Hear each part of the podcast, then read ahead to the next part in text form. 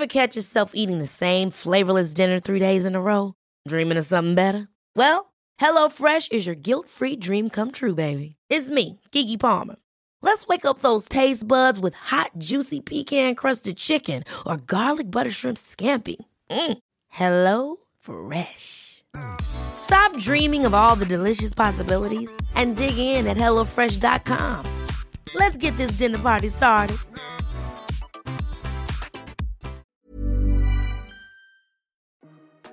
Ingebjørg Vesås har jobba med kropp og uttrykk hele sitt voksne liv. Etter ti år som profesjonell danser, så var det yoga og yogalærer som ble veien. Og i dag så brenner hun for å gjøre yogateknikkene tilgjengelig for mannen i gata. Vekke den her barnlige nysgjerrigheten på kropp og sinn, og øke kunnskapen om hva vi selv kan gjøre for å ha det bedre og da spesielt fokus på pusten. Og pust er et så aktuelt tema om dagen. Og jeg syns det er så spennende å vite mer, og derfor så har jeg invitert Ingebjørg til meg i studio i dag. Velkommen, Ingebjørg. Takk.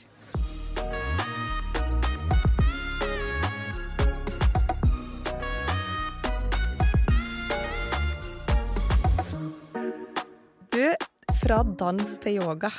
Hva var det som skjedde? Det var egentlig en veldig naturlig eh, overgang. Ehm, da jobber en jo med kroppen i dans og med uttrykk. Eh, og pust er jo både med kropp og uttrykk eh, å gjøre, og yoga, og da yoga òg. Ehm, slik at det var en glidende overgang. Jeg praktiserer yoga samtidig som jeg både gikk på danseutdanning og når jeg utøver dans.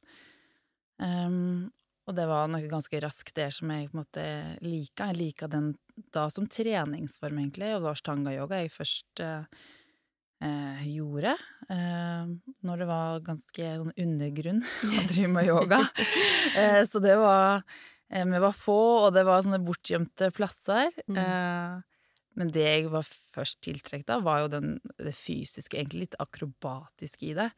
Og at, det, at jeg mestra det ganske bra, da, for det at jeg liksom hadde dansetreninga. Mm. Um, og så Så gikk det jo derfra at det var, at det, var det jeg gjorde mer og mer. Uh, og um, jeg tok yogalærerutdanninga parallelt med at jeg jobba som danser.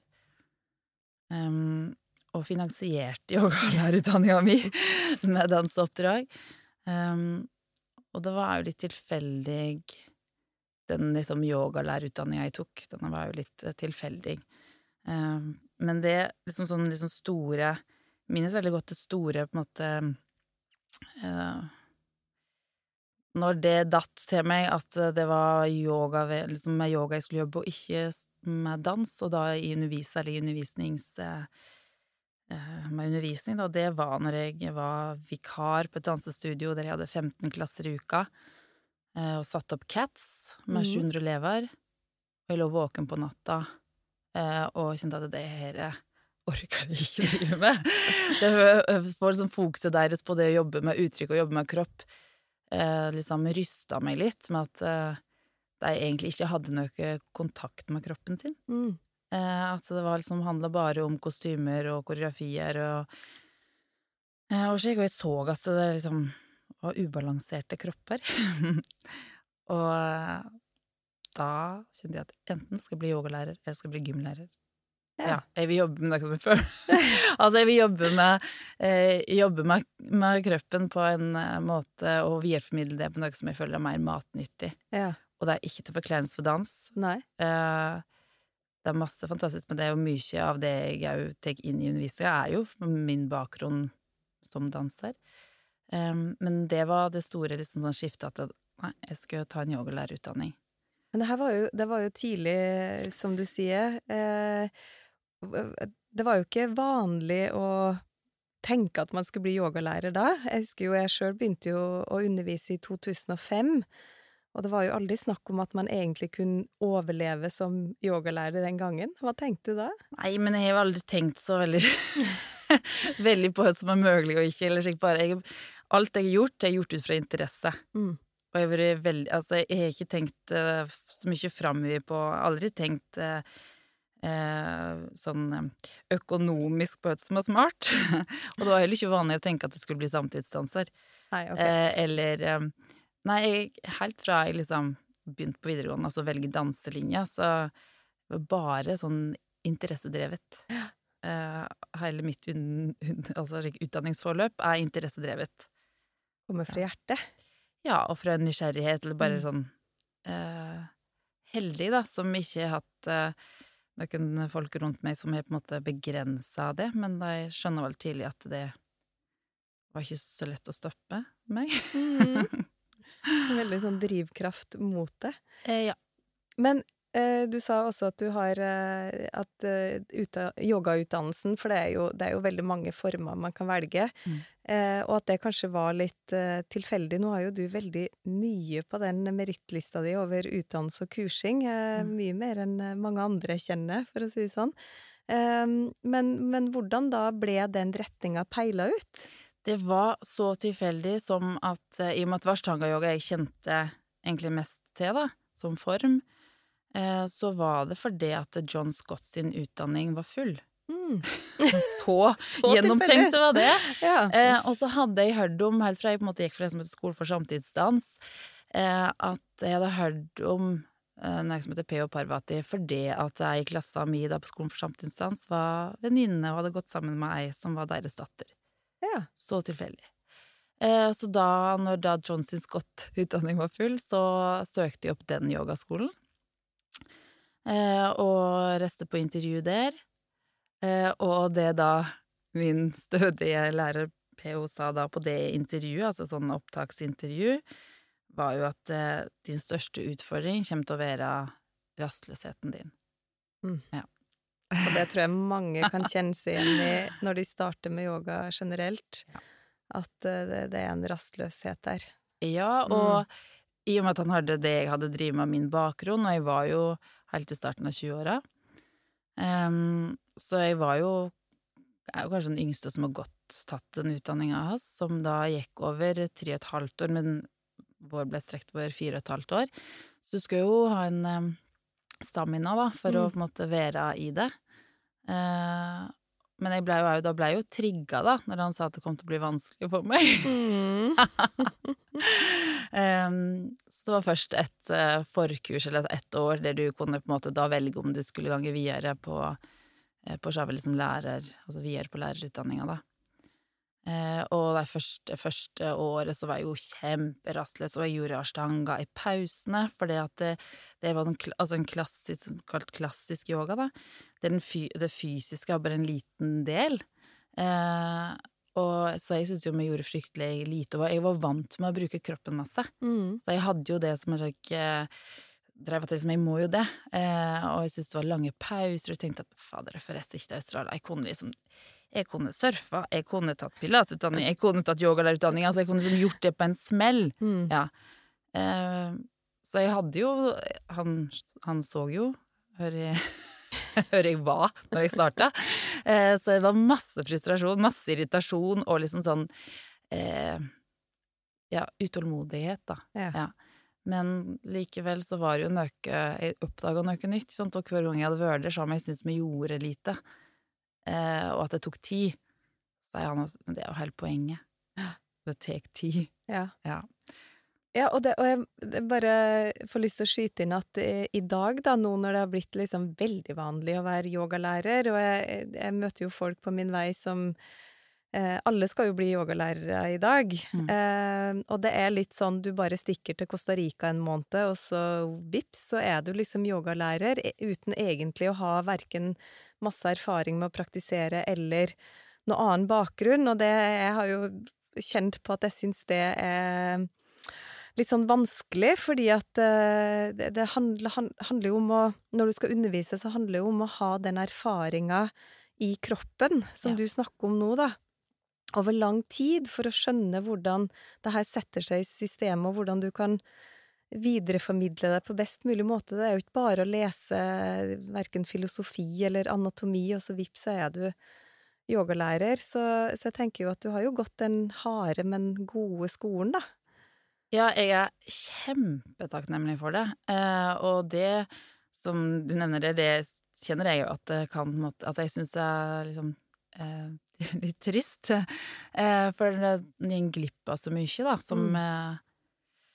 som er viktig for au å kunne kose seg med å videreformidle det, eller føle at du kan holde på med det her for alltid. Ja. Eh, og han satte jo au en sånn Som au var i starten superfrustrerende, så at eh, han ønska jo da at vi gikk der at vi ikke skulle undervise mens vi gikk i lære. Ja. Og jeg tjente jo penger allerede da på å undervise i yoga. Eh, undervise i dans, undervise i yoga, og, og det, var, det var ganske lett som når du jobber med kroppen som danser, og, eh, og bare se, finne ei bok med øvelser, eller bare lære videre det du akkurat har lært seg av. Det var lett for meg å videreformidle bevegelse. Mm. Eh, og det lille jeg gjorde da av pust og avspenning, det var, det var kjempelett. Eh, på det nivået så var det veldig lett. Mhm. eh, så tenkte jeg at søren, skal jeg liksom eh, Det skal jeg ikke kunne undervise. Eh, men så tenkte jeg at det er vel en grunn til det òg, og så er jeg jo kjempeglad for det og ser skikkelig poeng i det. Eh, for det er jo noe med det å da få lov til å være i prosess, og han kalte utdanninga yogaprosess. Ja. Eh, og det er jo nettopp den prosessen de færreste da får sjanse til å være i. Mm. Eh, det at du kan da konsentrere deg om det uten å tenke på 'Å, men hvordan skal jeg eh, vi- lære det videre?' For da er det jo ikke til stas i den opplevelsen eh, av det. Og det er jo da um, etterpå Det er jo kjempemange som har spurt meg om 'Ja, er du tips til utdanning?' hva på gjøre? så spør jeg vi, altså, vil du virkelig? Mm. Eh, hvis du virkelig har tenkt at du vil lære, eh, liksom jobbe som yogalærer, da er det jo tid til deg i fire åra, eller to, eller tre, eller hva det er. Men det å ta seg tid til det Mm. um, Og da Det er jo ikke så mange som har. Nei. Men så skjønner jeg, jeg var jo det sjov, så det er jo ikke Mm. at jeg syns det er tette. Det er jo bare. Jeg skjønner det, men, men jeg, jeg veit jo jeg har erfart at det er hele forskjellen i om um, Om du da bare kan fortsette, egentlig når du underviser, å øse av masse erfaring og masse kunnskap Mm. som jeg fikk muligheten til å tilegne meg, da, fordi at han satte de rammene. Ja. Men så, så klassisk yoga ble da på en måte din form etter hvert. Mm. Um, og, og med det så har jo du valgt å gå veldig dybden på pusten. Det er på en måte pust som er de, ditt hjertebarn i undervisninga, Mm. har jeg skjønt. Og jeg har jo erfart det, fordi at jeg var på en workshop med deg i november. Eh, litt sånn krevende tid i mitt liv, og, og jeg gjør jo ashtanga-yoga nesten hver dag, og er veldig sånn eh, i, i min eh, eh, tradisjon, men, men på et eller annet plan så kjente Og så var det jo for at jeg hadde lyst til å møte deg, men jeg kjente at åh, den søndagsretreaten der, den hadde jeg lyst til å være med på. Og ehm, jeg ble jo rett og slett helt satt ut, både under eh, session, tenkte jeg å si, men også etterpå, og hvilken effekt det hadde for meg i lang tid etterpå, også i praksisen min. Og da ble jo jeg så nysgjerrig, så jeg var jo sånn Når jeg skulle i gang med den podkasten her, så hadde jeg jo skrevet at du skulle være gjest, fordi jeg syns det er så spennende å høre mer om akkurat det aspektet der, da, og hvorfor du har valgt å fokusere så mye på pust. Mm. Ja, for at du nevnte, nevnte jo det, og eh, som jeg sa, at det er jo egentlig jeg som har valgt, eller valgte det fra starten når jeg startet å undervise.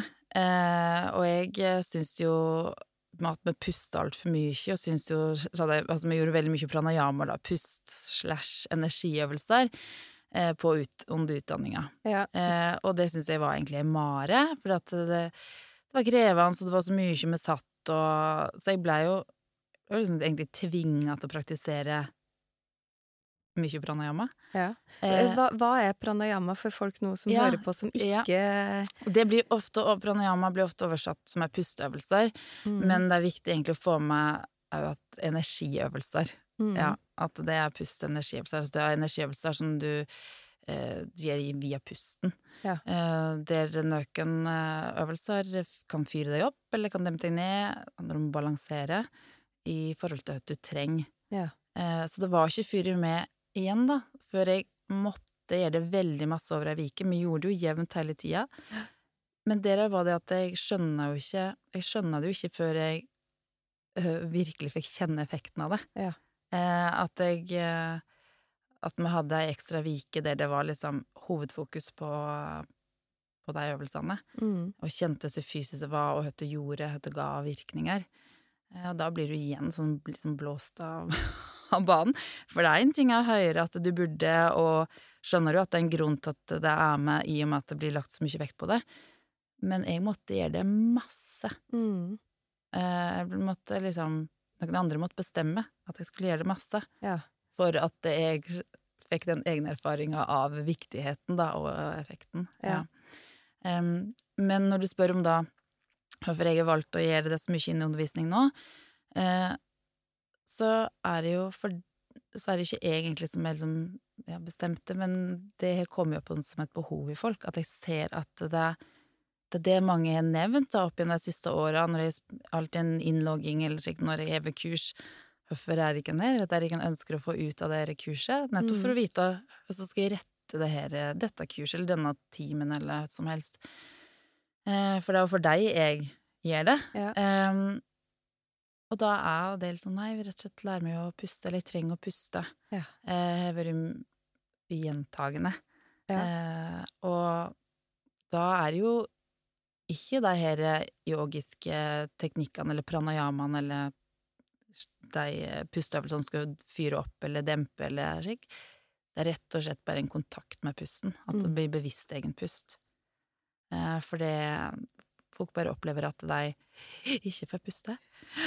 Ja, eh, og da er det som jeg trenger liksom å Kjenner jo det nå, at jeg bare blir veldig bevisst på hvordan puste er egentlig. Eh, ja, så det starten og det, må, starte- det er bare det å bli bevisst pusten. Mm. Ja. Før en da etter hvert kan bruke ulike metoder for å nyttiggjøre seg av eh, pusten. Mm. Ja. Ja, fordi altså, vi puster jo inn ca. 20 000 ganger i døgnet. 15 12-15 ganger i minuttet. Og det skjer jo helt autono eh, auto automatisk. Mm. Um, og det er liksom en del av det her autonome nervesystemet vårt. Uh, så pusten kjører jo sitt eget løp, og, og vi tenker jo ikke så mye på pusten før det blir et problem. Mm. Eh, og hva, hva er det da med pusten? Hvorfor er den så viktig? Hvorfor er det viktig at vi puster riktig? Ja, eh, og så må vi ta vekk det med riktig, da, for det er mange som jo eh, det, Når du skal liksom ta tak i det her, så er det jo det at det må ikke bli enda en ting folk skal liksom klare. Nei. Eller klare eller ikke klare. Jeg klarer ikke å puste engang. Ikke sant? Jeg sier det, at det blir sånn enda en ting hun ikke mestrer. Ja. Em, men eh, det er en kjemperessurs, altså pusten, og er, den er så nær, Mm. og den er så magisk. Mm. Eh, så hvis folk em, Hvis man bare begynner å legge merke til pusten, eh, og em, og blir nysgjerrig på pusten, eh, så vil en etter hvert òg kunne utnytte ressursene som ligger der mer. ja. Så du sier at ja, den puster eh, Og og først og fremst det å bare puste langsommere. Mm. Ja. Eh, men først oppmerksomhet, og så kan en begynne å leke med å styre den, og da oppdage hva slags effekt det har på hver enkelt. Mm. Ehm, ja, fordi ved hjelp da av eh, fokus på pust, eller disse her pusteøvelsene, så kan man jo rett og slett omprogra omprogrammere nervesystemet. Mm. Eh, og det kan jo hjelpe mot både stress og angst og fysiske plager. Um, men eh, hvordan skal folk gjøre det her? Fordi det er jo det jeg får så mange spørsmål om sjøl, og nå har jo ikke jeg på en måte spesialisert meg på pust, jeg kan jo mye pusteøvelser og sånn, men Og jeg syns det er så vanskelig å si eh, Gi liksom sånne gode råd Mm. som er lett tilgjengelig for folk. Mm. Men det er jo så viktig. Ja, og da det ja, det er jo eh, bare det å øve på først, det gjelder mer spontanpust. Det er bare å legge merke til at en puster. Uh, og så kan begynne å styre den med å trekke den dypere både inn og ut. Og hvis en begynner å legge merke til det, og legge merke til hvordan en puster i ulike situasjoner, så vil jo alle oppdage at bare mm, mye av det gjør vi ubevisst. Mm. Alle bruker, eh, bruker pusten eh, hvordan uttrykker seg, eh, og, eh, og, gir det jo men, men det greia vi gjør det ubevisst. Eh, men til meg, du jo jobber bevisst med pusten, Mm. eh, så vin er jo da lettere å kunne styre i ulike situasjoner. At den liksom Jeg kjenner altså stresset Du nevner liksom stress, og det setter seg jo i pusten, ikke sant. Det er jo en høst i pusten din Jeg gir jo en helt ærlig eh, feedback på høst du egentlig har det, og høst som rører seg. Mm. Um, så det er jo det å også kunne ha en liksom nærere tilknytning til pusten sin, eh, gjør at en eh, bare òg kan ha en opplevelse av å henge mer sammen. Ja. Ja. Eh, så det er jo største verktøyet mot eh, altså stresshåndtering. Ja, ja for, det, for det er jo ofte i stressa situasjonen av folk liksom eh, Hvilken pusteøvelse kan jeg gjøre Mm. når jeg havner i en stressende situasjon? Mm. Da vil liksom det enkleste det, det er sant, det å trekke en djup pust inn og en langsom utpust. Bare kjenne på det, og kjenne om slags eh, liksom, effekt det, det gir, da, og gans, ganske Sier jo at det, det er ikke noe quick fix, det her, men da kan kanskje kjenne på ganske spontan, holdt på å si, eller liksom eh, effektiv eh, eh, endring, da. Um, slik at Og det gir folk at det bare puster inn, men det er det at en da ofte ikke puster langsomt nok ut. Så det fokus på langsom utpust kan være en, en start. Ja. Um, og det kan en ta i bruk ganske raskt. Altså alle, jeg regner med alle som hører på, hører på noen gang kjenner på uro eller eh, stress eller eh, sinne eller et eller annet som du kjenner det kommer som en slik eh, overveldende følelse. Mm. Eh, og det er jo da hvordan du kan fyre du responderer, for eksempel, da. Eh, ta noen dype inn- og utpust, slik at du kjenner at du kontrollerer situasjonen. Mm. Mm. Men jeg har opplevd i møte med blant annet eh, panikkangst, Mm. ikke mitt eget, men eh, sammen med noen, hvor jeg automatisk tenkte at oi, her må jeg bruke pusteredskapene jeg kan, Mm. hvor jeg da prøvde å si det du sier nå, ikke sant? Mm. Og da opplevde jeg at den personen fikk eh, ikke mer panikk, eller, eh, men, men eh, ble veldig irritert og bare ja, men det, det klarer jeg ikke nå. Mm. Fordi at det, det nesten trigger Mm. enda mer. Mm. Og da ble jeg veldig lost på hva jeg skulle gjøre. Mm. Eh, fordi når det å puste også oppleves som, hva skal jeg si, skummelt Mm. og angstfylt i panikkangsten, Mm. så kjente jeg at eh, det var veldig utfordrende. Ja, nei, det er faktisk eh, kult at du kommer med det, fordi at eh, det er jo Det er jo derfor det liksom er varsom når du skal si noe om eh, puste riktig, eller ha meninger om hvis folk skal puste, eller slikt, for det at pust er innmari personlig. Eh, og det kan jo stresse folk mer med at noen andre skal fortelle deg hvordan du skal puste. Ja. Eh, så eh, så det, det var flere tilfeller, det, at det kan provosere mer for folk som da er der oppe i ulike typer liksom eh, panikk, panikkangst eller hyperventilering eller slike ting, og så bare, bare pust rolig. At det er dyp pust, og liksom, øh, du får lyst til å klappe til deg. Ikke sant? Mm. Så det å da møte, heller møte deg der deg der de er, og så kan det hjelpe ved, ved at den liksom gradvis For den speiler ikke hverandre. Mm. Så det at, med at den som er ved sida, kan liksom Mm. puste litt roligere, og ikke bare si 'pust med magen', bra, pust med magen, eh, eller andre gode, gode råd. Ja. Em, så det er jo det med panikkangst, det at det er grunnpust opp, det, det å få den langsomme utpusten. Men det, deg som sliter med det, kan Så er det nyttig å, å trene, trene opp eh, pusten, eller trene opp deg verktøyet, slik at jeg kan ta det i bruk når jeg kjenner at det kommer. Ja. Um, for det er egne, det er egne pranayamaer, eller altså pusteteknikker, som kan være nyttig for deg. Men de må mestre deg for at jeg skal hjelpe. Ja, så du må egentlig kunne de før du får et Ja. anfall, Ja. eller før du, før du kommer i den situasjonen. Ja, og det er jo litt, som jeg ser, litt sånn eh, Kjipt er ikke kjipt, men da med at eh, hvis en bare leser en bok og ser det her, den her kan hjelpe ved panikkanfall, Mm. eller med angst, eller en eller andre, eh, så gir den jo ikke det hvis du ikke mestrer den. Nei.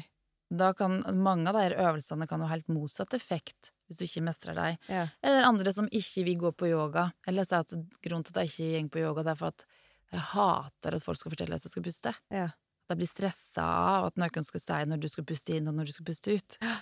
Eh, og det forteller jo òg så viktig det er for folk å på en måte eh, eie pusten sin, da. Mm Ja. Men veldig mange opplever jo at de ikke gjør det. Ja. Eh, så det, det du alltid Og det gir jo jeg det tilbudet det at jeg kommer med forslag til hvordan jeg kan puste, men folk kan være så rampete, da, som jeg kaller det, det er bare vi. Det, det, det, altså, du kan Jeg, kan, eh, jeg kommer med tilbud, Mm. ting du kan eh, utforske, Mm. eh, men vite at du, eh, du gjør som du vil. Og, og i Ashtanga, hvor du har et veldig systematisk mønster på hvordan du skal puste i forhold til hver enkelt øvelse, så, så pleier jeg alltid også å si da til nybegynnere at jeg sier pust inn og pust ut, der hvor man på en måte skal følge bevegelsen, men du må kjenne på din egen pust i starten. Mm. For det er ikke sikkert at de har den kapasiteten til å ta et så langt innpust som kreves i den bevegelsen, eller så langt utpust, og at man da heller får lov til å ta det jeg kaller litt sånn juksepust, da. For det viktigste er jo at man ikke holder pusten. Mm. At du, at du lar pusten gå i jevn flyt, sånn som det føles eh, naturlig for deg. Mm. Og så kan man etter hvert liksom justere, sånn at man følger hele bevegelsen med innpust eller utpust. Det blir jo litt sånn teknisk, da.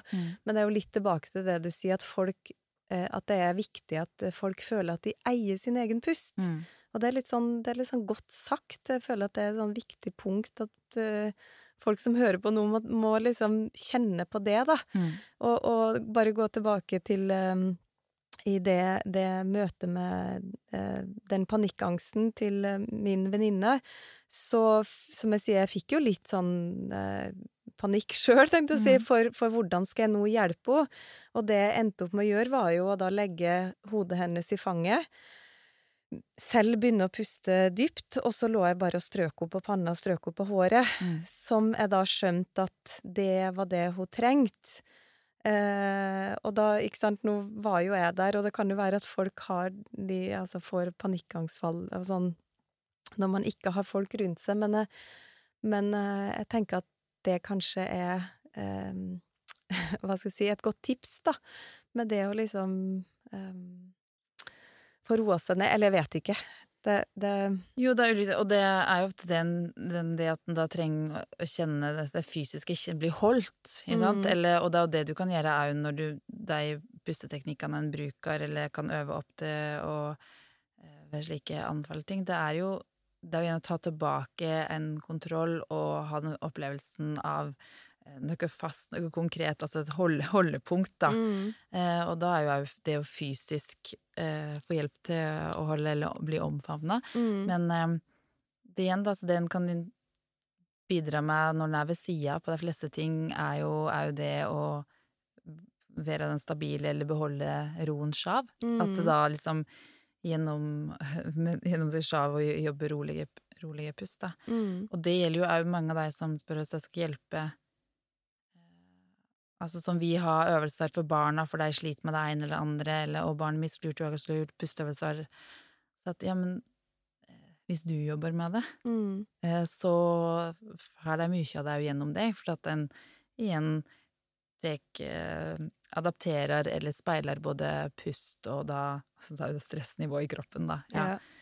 Ja. Um, så jeg er ingen spesialist på et nere som, som en um, tilskuer til et panikkanfall, eller noe, men det å beholde en stabilitet og ro seg av, og bare se at, det, at, den, at den er der. Mm. Ukas annonsør er girlofnorth.no, en nettbutikk som er en av mine favoritter, rett og slett fordi de er et livsstilsunivers med alt du kan ønske deg. Med fokus på henne lanserer girlofnorth.no nå Understatement Underwear i Norge. Undertøysmerket er laga for å komplementere alle kvinnekropper, og det er så kult fordi alle modellene de bruker, er i alle aldre og størrelser. Understatement Underwear har fokus på å lage undertøy som alle kvinner vil føle seg sexy i, uansett kropp og fasong. Dette merket får du kun hos eh, girlofnorth.no i Norge, og vet du hva? Med koden Vibeke20 så får du 20% rabatt på dette undertøyet og alt annet i nettbutikken, til og med salgsvarer, så her kan du virkelig gjøre et kupp. Koden den varer i én uke fra denne episoden lanseres, så da er det bare å kaste rundt og sjekke ut girlofnorth.no. En annen eh, situasjon eh, som oppleves som veldig stressende for folk, eh, og som også er en situasjon hvor veldig mange i forberedelsen da, til det her eh, møtet yoga, det er jo fødsel. Ja. Eh, og veldig mange begynner jo på yoga når de er gravide, fordi de har skjønt at det å lære å puste Eventuelt ha noen pusteteknikker vil hjelpe under fødsel, og det opplever jeg jo, eh, i hvert fall for meg og det som har holdt på så lenge med yoga, for i starten så var jo ikke yoga ordentlig liksom anerkjent i, i, for, uh, innenfor uh, leger og fysioterapeuter, kiropraktorer, du vet liksom Men det føler jeg har blitt mer og mer anerkjent nå, da, mm. og, og, veldig mange jordmødre anbefaler jo nettopp yoga mm. for å forberede folk til fødsel. Eh, og du har jo også gravideyogautdannelse. Kan du si noe om det? Hvor viktig pusten er her? Ja, det var veldig viktig for meg. veldig viktig for meg. Eh, det var jo ekstra kult for at jeg var gravid når jeg tok den uh, utdanninga til Parvati, og den utdanninga måtte du ha gått det forløpet jeg gikk hos PH Parvati for å ta den eh, spesialutdanninga. Um, og da var det jo for det første altså djup, djup pust eh, en bruker i møte med For det som var kult da, da, som er jo en kul erfaring med fødsler Jeg er jo kjempeglad for at jeg har fått eh, eh, praktisert gjennom tre fødsler. Var jo da det å møte smerte, mm. og det yogaen som da heter pratyahara. Det skal jeg ikke ta så mye på det begrepet, da, men det en, Og det å forholde seg til smerte. Ja. Du møter smerte, Um, eller spenning, Uh, og Så det var først og fremst den dype pusten i det, liksom å, mø, å møte, mø, møte, da, ikke liksom flykte fra ting som er vanskelig. Ja. For det er jo det kjempeoverførbart til, til hverdagen. Mm. Eh, om jobber med yoga eller jobber med pust eller slike ting, så skjer jo livet for kan alle. Eh, og det er ikke dermed sagt at det en ikke, ikke blir berørt av ting rundt seg. Men den pusten, eller det, det møtet med en spenning eller noe som er vanskelig eller vondt eller slik, det tenker, det tenker jeg bruker hverdagen. Samme som jeg på en måte øvde på da mot rier. Ja. ja. Eh, så var det jo annen som jeg jo da erfarte Altså, en ting vi lærte Vi lærte òg da en fødselspust. Altså det er ikke en spesiell yogapust, men det er en teknikk for, eh, for å tåle toppen av riene, som du òg kan bruke på smertetopper ellers med ting du opplever. Eh, som er mer en sånn lett overfladisk pust. Og jeg fikk heldigvis, da, med han første min, så, så fikk jeg bruk for den. Ja. Og hvis ikke jeg hadde øvd på den, så hadde jeg jo Eh, så hadde det vært mye tøffere fødsel. For da er det en pust der du skal puste lett overfladisk for å holde igjen. Altså når kroppen eller systemet sier press, så får du beskjed av jordmødrene om at nå må du ikke presse, han kommer for raskt. Ja. Det var en styrtfødsel. Eh, og da kunne jeg hoppe rett i verktøykassa til den, som jeg da hadde lært, eh, både øvd på ja. Eh, og visste om når jeg kunne ta i bruk. Så det var virkelig sånn Det var et verktøy som jeg kunne fått bruk for, som jeg øvde på i tilfelle jeg fikk bruk for, og jeg fikk så jeg heldigvis bruk for den. Mm. for da fikk jeg òg en egen, egen, erfaring på eh, at det var nyttig. Ja. Som gjør det da Det gjør jo at jeg tar den med når jeg underviser andre. Jeg sier at den er kjempefin å ha i verktøykassa. Mm. Eh, så det handla jo om da eh, Eh, at eh, hvis du da hadde pressa for eh, hyppig der, så hadde det hovna opp, og det blitt vanskelig å få ut barnet. Ja. Så det gjorde jo til at jeg klarte å holde igjen sjav om kroppen sa press. Mm. og den, akkurat den pusteøvelsen der, eller den teknikken, den kan du bruke i doket på festival. Har du masse erfaring med det òg, eller? Nei, men jeg bruker det egentlig bare for å få med For å motivere folk til å bruke Nå er jo høstet i dag Når jeg hadde med fedre på sånn fødselsforberedende kurs og underviste både fedrene og mødrene i puss, slik at de kunne være en støtte til det. Mm. Så, så det er jo fleste klarer å relatere det til den situasjonen, da. Ja. Uavhengig om du skal føde barn eller ikke. Eh, så da eh, Jeg liker jo å liksom gi deg dere konkrete liksom, eksempler på Men hvorfor i all verden skal jeg øve på det her? Ja. Ja, fordi du, nå snakker du, du om at eh, det er lurt å ha en verktøykasse Ja. med ulike øvelser, ikke sant? Og så uh, møter man situasjoner og så er det sånn ja, nå kan jeg bruke den, og nå kan jeg bruke den, men, men det folk kanskje ofte tenker, ja, men hvorfor skal jeg ha det her? Ja. Hvorfor er det så viktig? Altså i tilfelle Dukke? Ja, liksom. eh, og og, og hva, hva vil du si til det? At liksom Hvordan overbevise folk om at eh, det her er veldig nyttige verktøy? Ja, nei, når trenger du å ha trent bicepsen og biceps curl og liksom markløft og Kan Nei, kanskje ikke. samme Altså, jeg vet ikke at det er liksom slik eh, eh, Den verktøykassa her Ja, du må jo av og til løfte ting. Da er det greit å ha trent opp den muskelen for å kunne For å gjøre løft. Ja. Um, nei, jeg må jo all, i et møte med ulike personer så må du jo ha ulike eksempel og ting for å motivere deg eh, til å gidde, da. Mm. Eh, og liksom hvorfor Hvorfor skal vi liksom trene pust like mye som vi trener liksom den fysiske kroppen? Yeah. Eh, og og in, altså, inspirasjonen for folk til å gjøre det, den vil være sykt ulik. Mm. Eh, men, eh, men det er relevant for alle. Og kanskje det største som på en måte sånn dagsaktuelt, da, eller som alltid vil være, det er jo da eh, den, det stresset og uroen de fleste opplever, da. Eh, nå. Både barn og, og voksne. Og at det det stressnivået i samfunnet, det bremser jo ikke. Det kommer jo ikke til å bremse. Så da er nok det liksom det at folk kjenner på et behov for å eh, ta tilbake en eh, kontroll, eller ikke miste seg eh, sjav, og da er pusten altså det du skal gå til. Ja. Altså det uansett at du vil endre, eller hører du vil på en måte yte mer om du driver med da, toppidrett, og du på en måte husker jeg komme videre? Altså, du har gjort all den fysiske gjort kostholdet, du søv, og eh, Så kan det igjen være at det er pusten som er den der nøkkelen til å eh, yte mer, eller Mm. bære i, eller eh, at med å jobbe med den, at du får restituert mer, så at du igjen yter bære i. Nei, så det er en eh, eh, det er en ressurs med alle har, som som har vært lite fokus på. ja. Men Bare nå i løpet av de her siste par årene under pandemien, så har det jo kommet eh, tall på at eh, meditasjon og pusteøvelser har økt helt vanvittig. Eh, det her er har de tatt eh, tall fra blant annet noen av de her største appene. mm. Eh, og man så en eh, enorm økning eh, når pandemien traff og utover, da. Eh, hvorfor tror du det er så økt oppmerksomhet på altså de verktøyene, meditasjon og pust, akkurat nå? Ja, nei, eh, det er i hvert fall eh, med pusten, da. Eh, og det henger jo sammen med at meditasjoner er ofte det er, jo, det er jo meditasjon på pusten, eller bruker pusten i meditasjoner, og er jo egentlig generelt i altså med, med avspenning, med hvile, med det å hente Det henger jo sammen. Det er jo ofte helt eh, veldig nært knyttet til hverandre.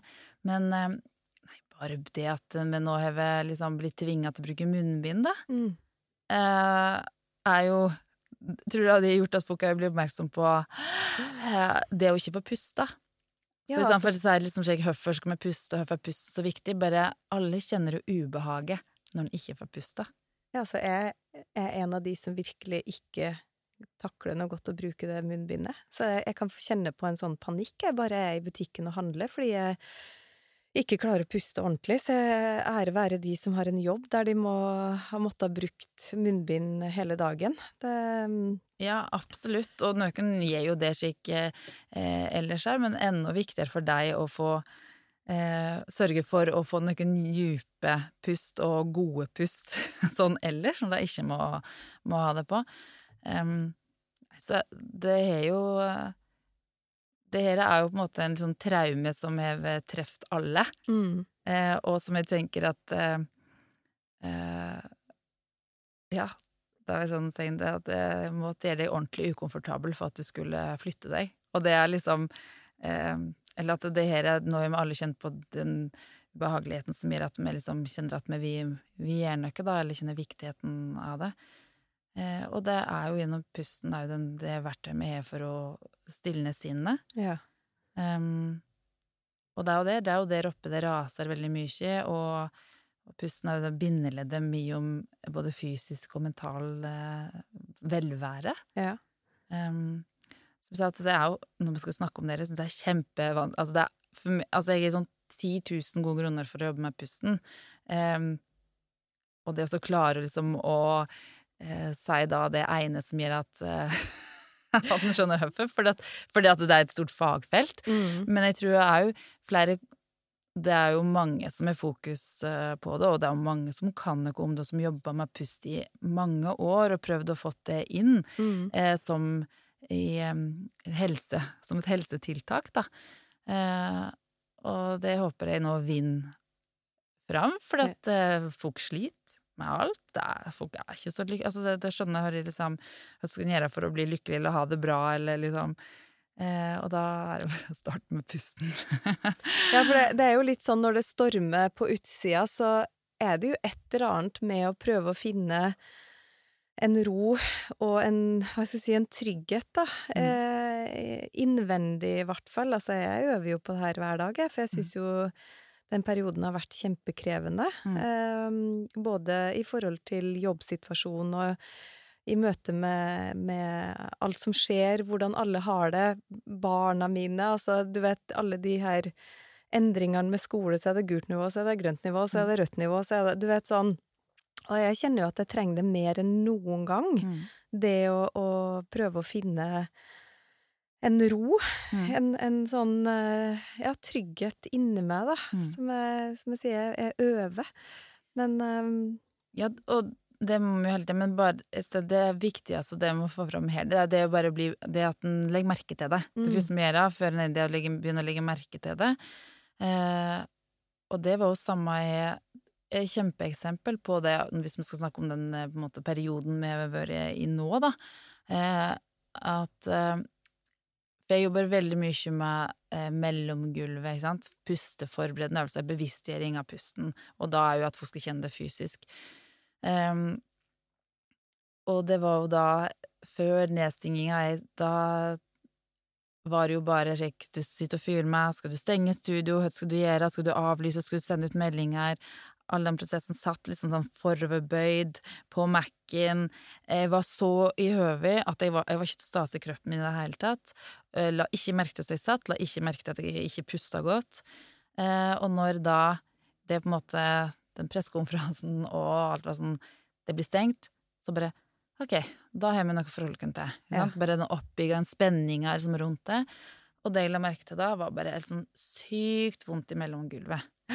Eh, og da liksom bare Ja, det skjer jo, liksom. Eh, nå har jeg vært så i høvet. Det eneste nå var på en måte Det var det her som oppslukte meg og, og, og liksom tok opp eh, hodet mitt nå. Så eh, det hadde jo satt seg i kroppen, eh, og på grunn av måten jeg pusta på, så har jeg satt det i kroppen. Ja, Så selv du som har den her store Ja, verktøykassa havna liksom i Skikkelig kjipt å kjenne at den bare er et, van et vanlig menneske. ja. Ja, nei, det er sant. Men det, det, det var glad Jeg kunne jo legge merke kunne jo liksom gjenkjenne det sånn at fy fader, liksom. Nå, nå, nå har det skikkelig satt seg. Eh, og da gikk vi bare til da Ok, det er stengt. Kjempedeilig med en avklaring. Da kan jeg for, starte å forholde meg til den, til den liksom, nye hverdagen Mm. og ta valg for hvordan det skal bli best. Eh, men jeg måtte vente på den avklaringa. Og da var det jo da sånn den øvelsen som jeg tenkte jeg på en måte å gi lytterne som et lite bonustrekk, da. Eh, da var det igjen det å, å prøve å mykne opp mellomgulvet, som er den viktigste pustemuskelen. Så det gikk helt konkret ut det jeg gjorde, når jeg kjente at der er det stramt.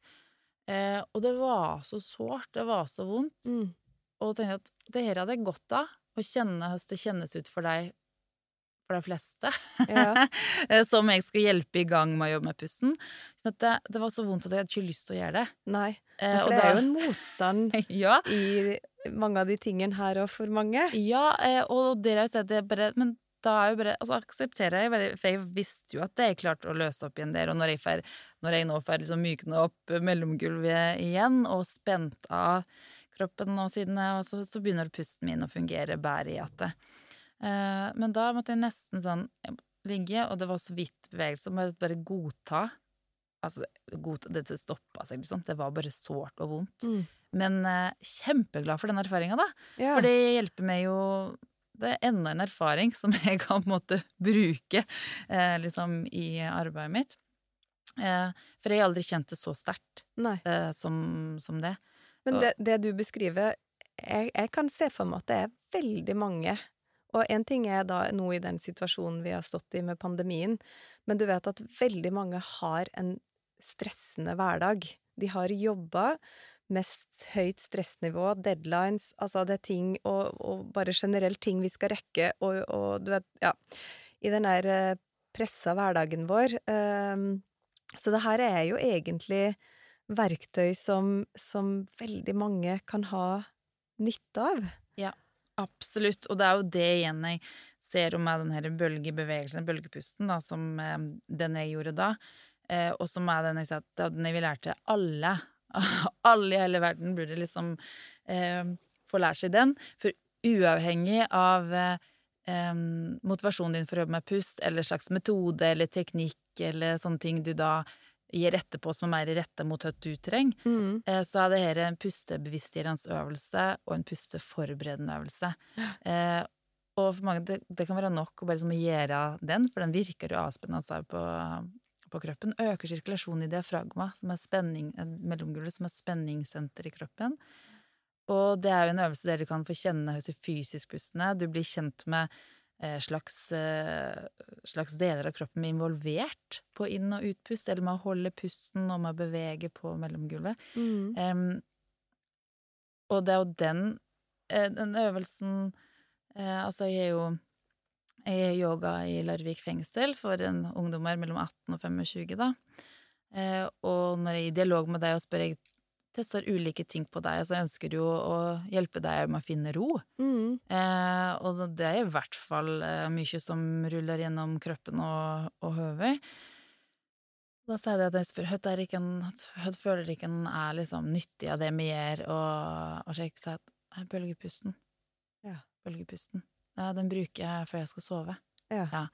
Eh, og eh, når jeg hadde yogaklasse for eh, Altså, jeg hadde fast for Larvik skateboardklubb. øh, mest da for å få min sønn til å gjøre yoga. så, måtte jeg, eh, så måtte jeg gjøre det. Ehm, og da var jo han elleve, da yngste var elleve, og det var liksom og opp til et par og 30. Og da var det det, det jeg likte best, og da hadde jeg tenkt på å, det skulle bli gøy, som solgt på hendene, og liksom at jeg skulle liksom, egentlig mer som en trening, der jeg tenkte at jeg får liksom komplementærtrening til skatinga, eh, kjerne og liksom bevegelighet og, og slik. Men det der ville, var å ligge og puste. Ja. Så selv tøffe gutter har Ja. stort behov for akkurat det.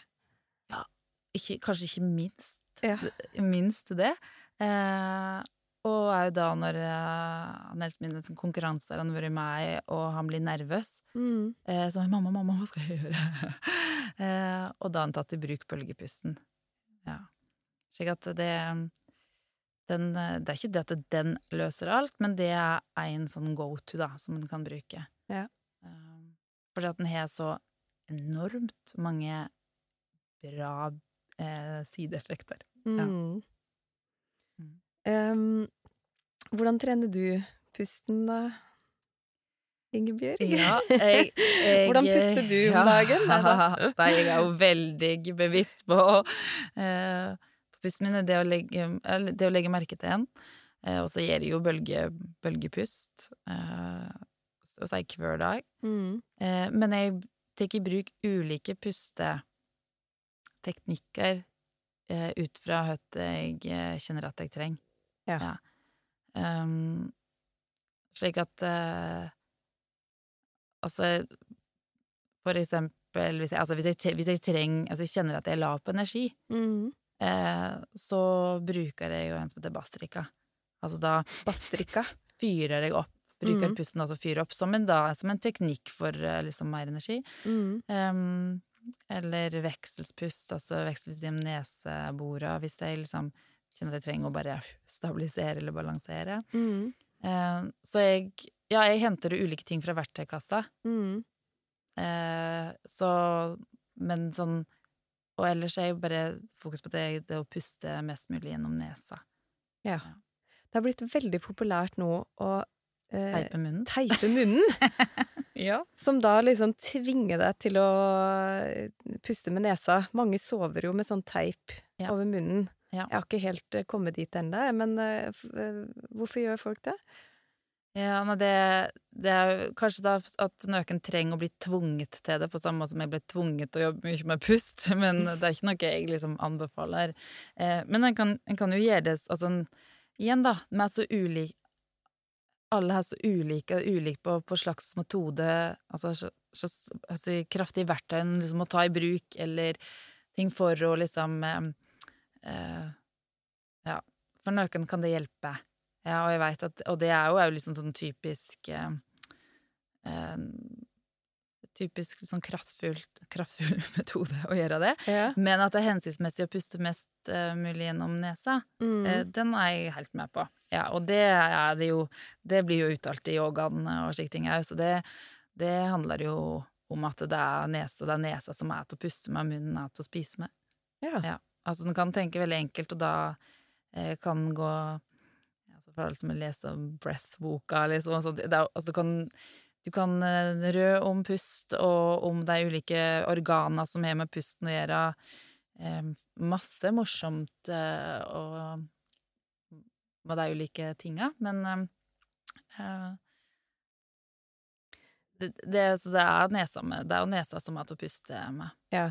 Hovedsakelig. Mm. Ja, hovedsakelig. Og det, det Fordi i andre treningsformer, da, Mm. så puster man jo veldig annerledes. Mm. Og da får jo jeg ofte spørsmål Ja, men eh, hvor, hvordan skal jeg puste bare med nesa? Ja, men det går jo ikke an, fordi Mm. når jeg skal løpe, eller Mm. bare sånn som med pilates, så puster man jo med en helt annen teknikk. Mm. Og da blir folk sånn veldig forvirra. Mm. Ja, men er det riktig, og ja. Og da igjen, da, hvis en sier at det er ingenting som er feil eller riktig på det, men eh, test det. Mm. Og så funker det. Eh, fordi at det er jo eh, Jeg eh, har jo jobba med pilates i mange år, og det var en av de første plassene jeg oppdaga viktigheten på en fysisk øvelse, da. Eh, om du puster inn eller ut. Eh, og der puster du ut gjennom munnen og med en lyd, og det er jo for at når du lager lyd, så må du aktiverer du transversus mer. Altså det er jo for å få mer tak i dyp magemuskulatur. Mm. Så det hjelper til en dypere kontakt med muskulaturen. Uh, så det, der er det helt Altså, du bruker det for det funksjonelle. Yeah. Uh, så, så det, og det er mange andre plasser. Altså hvis du skal løfte kjempetungt, eller det, Da hjelper det jo bruke Altså lage lyd. Ja. Så den lyden er jo au til hjelp. Eh, og du gjør det jo i yogaen der når du omar, eller liksom du hummer, bruker ut gjennom, altså ut gjennom munnen. Veldig sjelden inn gjennom munnen. Ja. Inn gjennom nesa, det er vel likt på det aller meste. ja. Men eh, eh, også igjen det å finne ut hvordan funker det Ja. funker for deg. Og det er samme det å holde pusten. Det funker jo kjempebra i mange settinger. En bruker det i yoga, en bruker det i andre teknikker her. Mm. Eh, så igjen da, så er det bare det med å ok, leik med det, da. Test hva det funker, og så finner du dine liksom Det funker for meg. Mm. Eh, Prøv det motsatte. Eh, og så får du eh, testa altså det å bevise bevis eller motbevis. Ja, ja. Eh, og så eh, egentlig viktigst at en bare faktisk skjønner eh, hva som ligger der av uh, av ressurs. Mm. Ja, og um, altså pusten er jo det aller viktigste vi snakker om i yoga, egentlig uavhengig av hvilken yogaform man, man er i, da. Mm. Men sånn som i um, ashtanga-yoga, så bruker man jo Det kalles både ujai breath eller uh, victorious breath eller Mm. Ehm, hvor du, hvor du lager Hvor du på en måte legger eh, pusten mer bak i svelget og lager en lyd, og det er jo veldig uvant for folk, så det også er sånn Mm. eh, Hvorfor må jeg lage denne lyden, og, og hjelper det, og hvorfor er det bra, og ehm, men, men hvordan skal man vite hvilken pust man skal bruke når? Ja. Det er liksom Nei, det kan jo ikke liksom sånn intuitivt uh, alltid vite, da. I hvert fall ikke med de tinga som er mer da eh, innlært, eller de her liksom teknikkene. Men med ujai-pusten, da, som en bruker i ashtanga-yoga, eh, og den samme, eh, samme liksom lyden klassisk yoga så kaller den det meditativ pust, eller psykisk pust. Du bruker det i flere meditasjoner. Um, eller som en egen, altså som medita meditasjonspust. Um, og det er jo er hjelp til både det at du strammer litt rundt luftrøret, så senker du tempoet. Det en trei, altså det blir langsommere inn- og utpust, og det er jo bare den hjelpen. Og den eh, lille, lille lyden du gjør, er jo at du liksom aktiverer mer, mer muskler. Den varmer opp Mm. kroppen på en annen måte. Eh, og det er en konsentrasjon. Mm. Så det er jo igjen det med en, en sånn samla, samlans, og det er jo på en måte fin øvelse det til bare å eh, kjenne sin egen stamme. Mm. Ja. Eh, så den det er en hjelp, for det er jo det bare da å sitte og fokusere på pusten, eller bare sitte med dyp pust, så kan igjen sinnet fort eh, begynne liksom å løpe løpsk. Så til mer du legger på på måte oppgaver, Mm. eh, til lettere kan det bli å samle seg. Ja. Eh, så det er jo Og det er jo der en er jo da sånn, Når jeg jobber veldig mye én til én, eller i små grupper, og da er jo en dialog hele tida. Jeg ønsker jo bare det å få deg til å finne ut hvor mye oppgaver trenger du, og liksom hvordan gir de ulike teknikkene eller oppgavene gjør det at det blir mer kaos, Ja. eller roer det kaoset. Eh, for det kan være helt ulikt fra person til person. Så, så fordi For å gjøre det veldig konkret, da, for at folk eh, Nå skal jo du spille inn en, eh, en liten pusteøvelse som vi legger med som en sånn bonustrack her, så det er jo fantastisk, for da kan jo folk bruke den om og om igjen. Men, men det du sier, er jo at man må egentlig bare utforske litt, da. Hvor, Mm. hvor finner man ulike pusteøvelser, og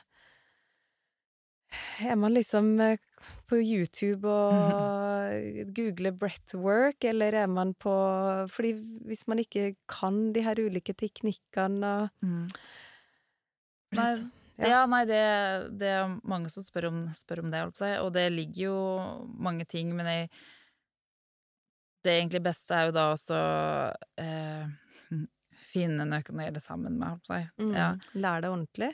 Ja, også ordentlig, men og jo det også eh, Det å bare bli nysgjerrig.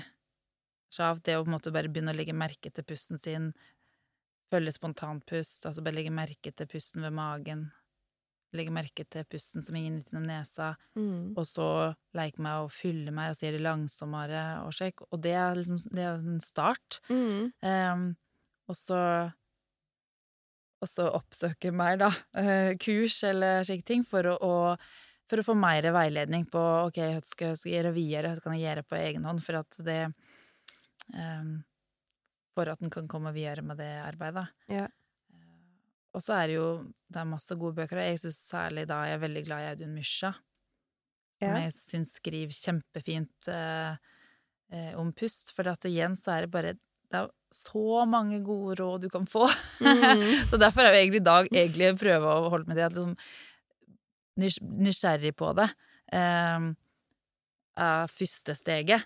Eh, mm, og da kan du oppdage bare mye, med, bare med det. Ja. Eh, og det legger legge merke til også, du- bruker du pusten din uten at du tenkte over det, da. Um, ja. For det Det er Pusten er veldig fysisk. Eh, Men det er jo det eneste det som slik eh, Det eneste som hjelper pusten du kan overstyre sinnet. Mm. Ja.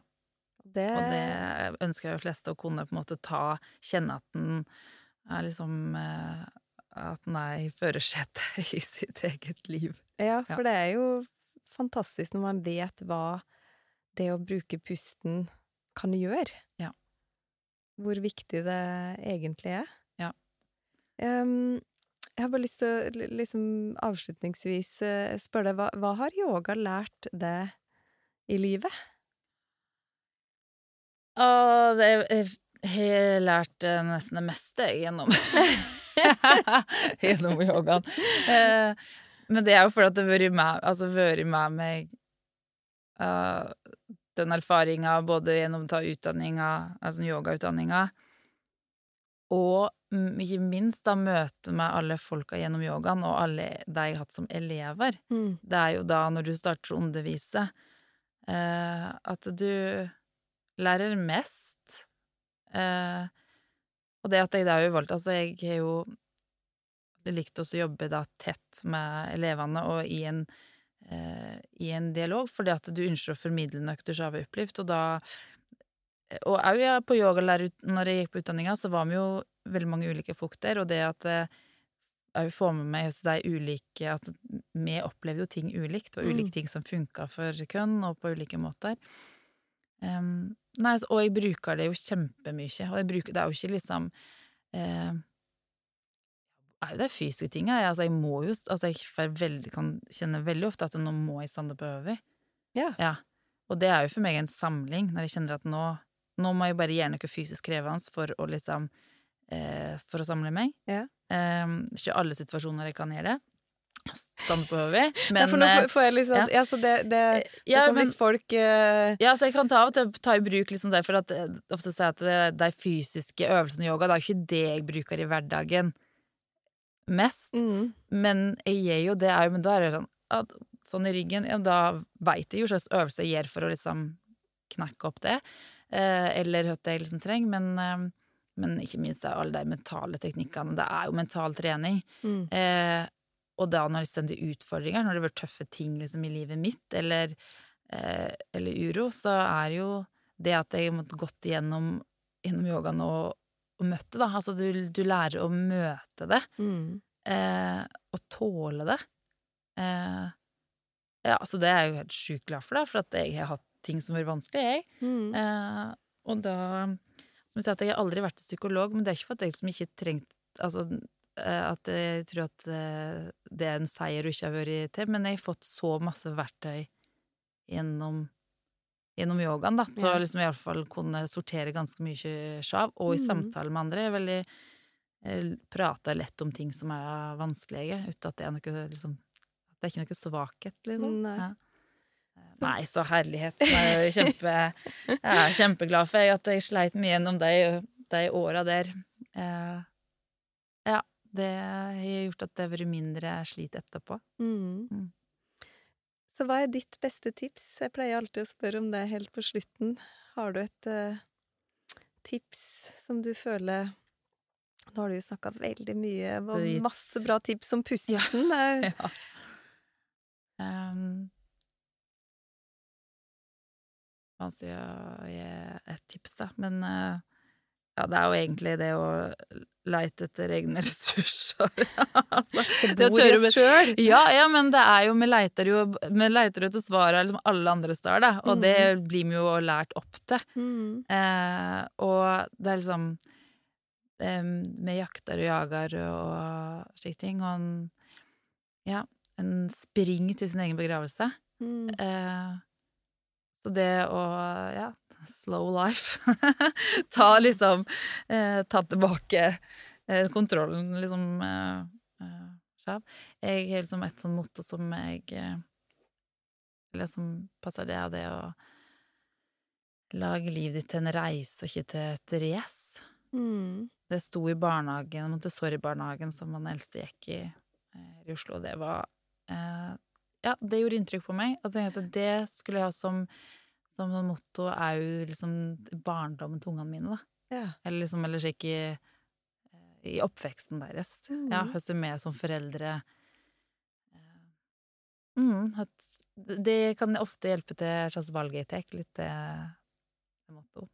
Mm. Og da, det påvirker jo pusten. Ikke Mm. sant? Så bare sånne ting er jo en måte å påvirke pusten. Så kult. Tusen takk. Og tusen takk for at du kom, eh, Ingebjørg, og gjorde oss koselig. eh, oppmerksom på pusten. Jeg vet at jeg skal i hvert fall gå hjem og puste litt ekstra dype pust i dag. Og så um, håper jeg at folk uh, benytter seg av den uh, pusteøvelsen du skal gi til oss, uh, som blir lagt ved den episoden her. Tusen takk. I like måte.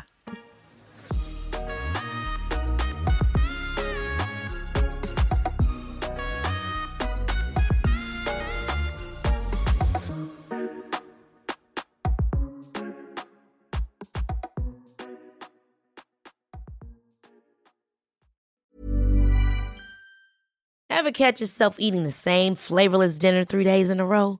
Dreaming of something better? Well, HelloFresh is your guilt free dream come true, baby. It's me, Gigi Palmer. Let's wake up those taste buds with hot, juicy pecan crusted chicken or garlic butter shrimp scampi. Mm. Hello Fresh. Stop dreaming of all the delicious possibilities and dig in at HelloFresh.com. Let's get this dinner party started.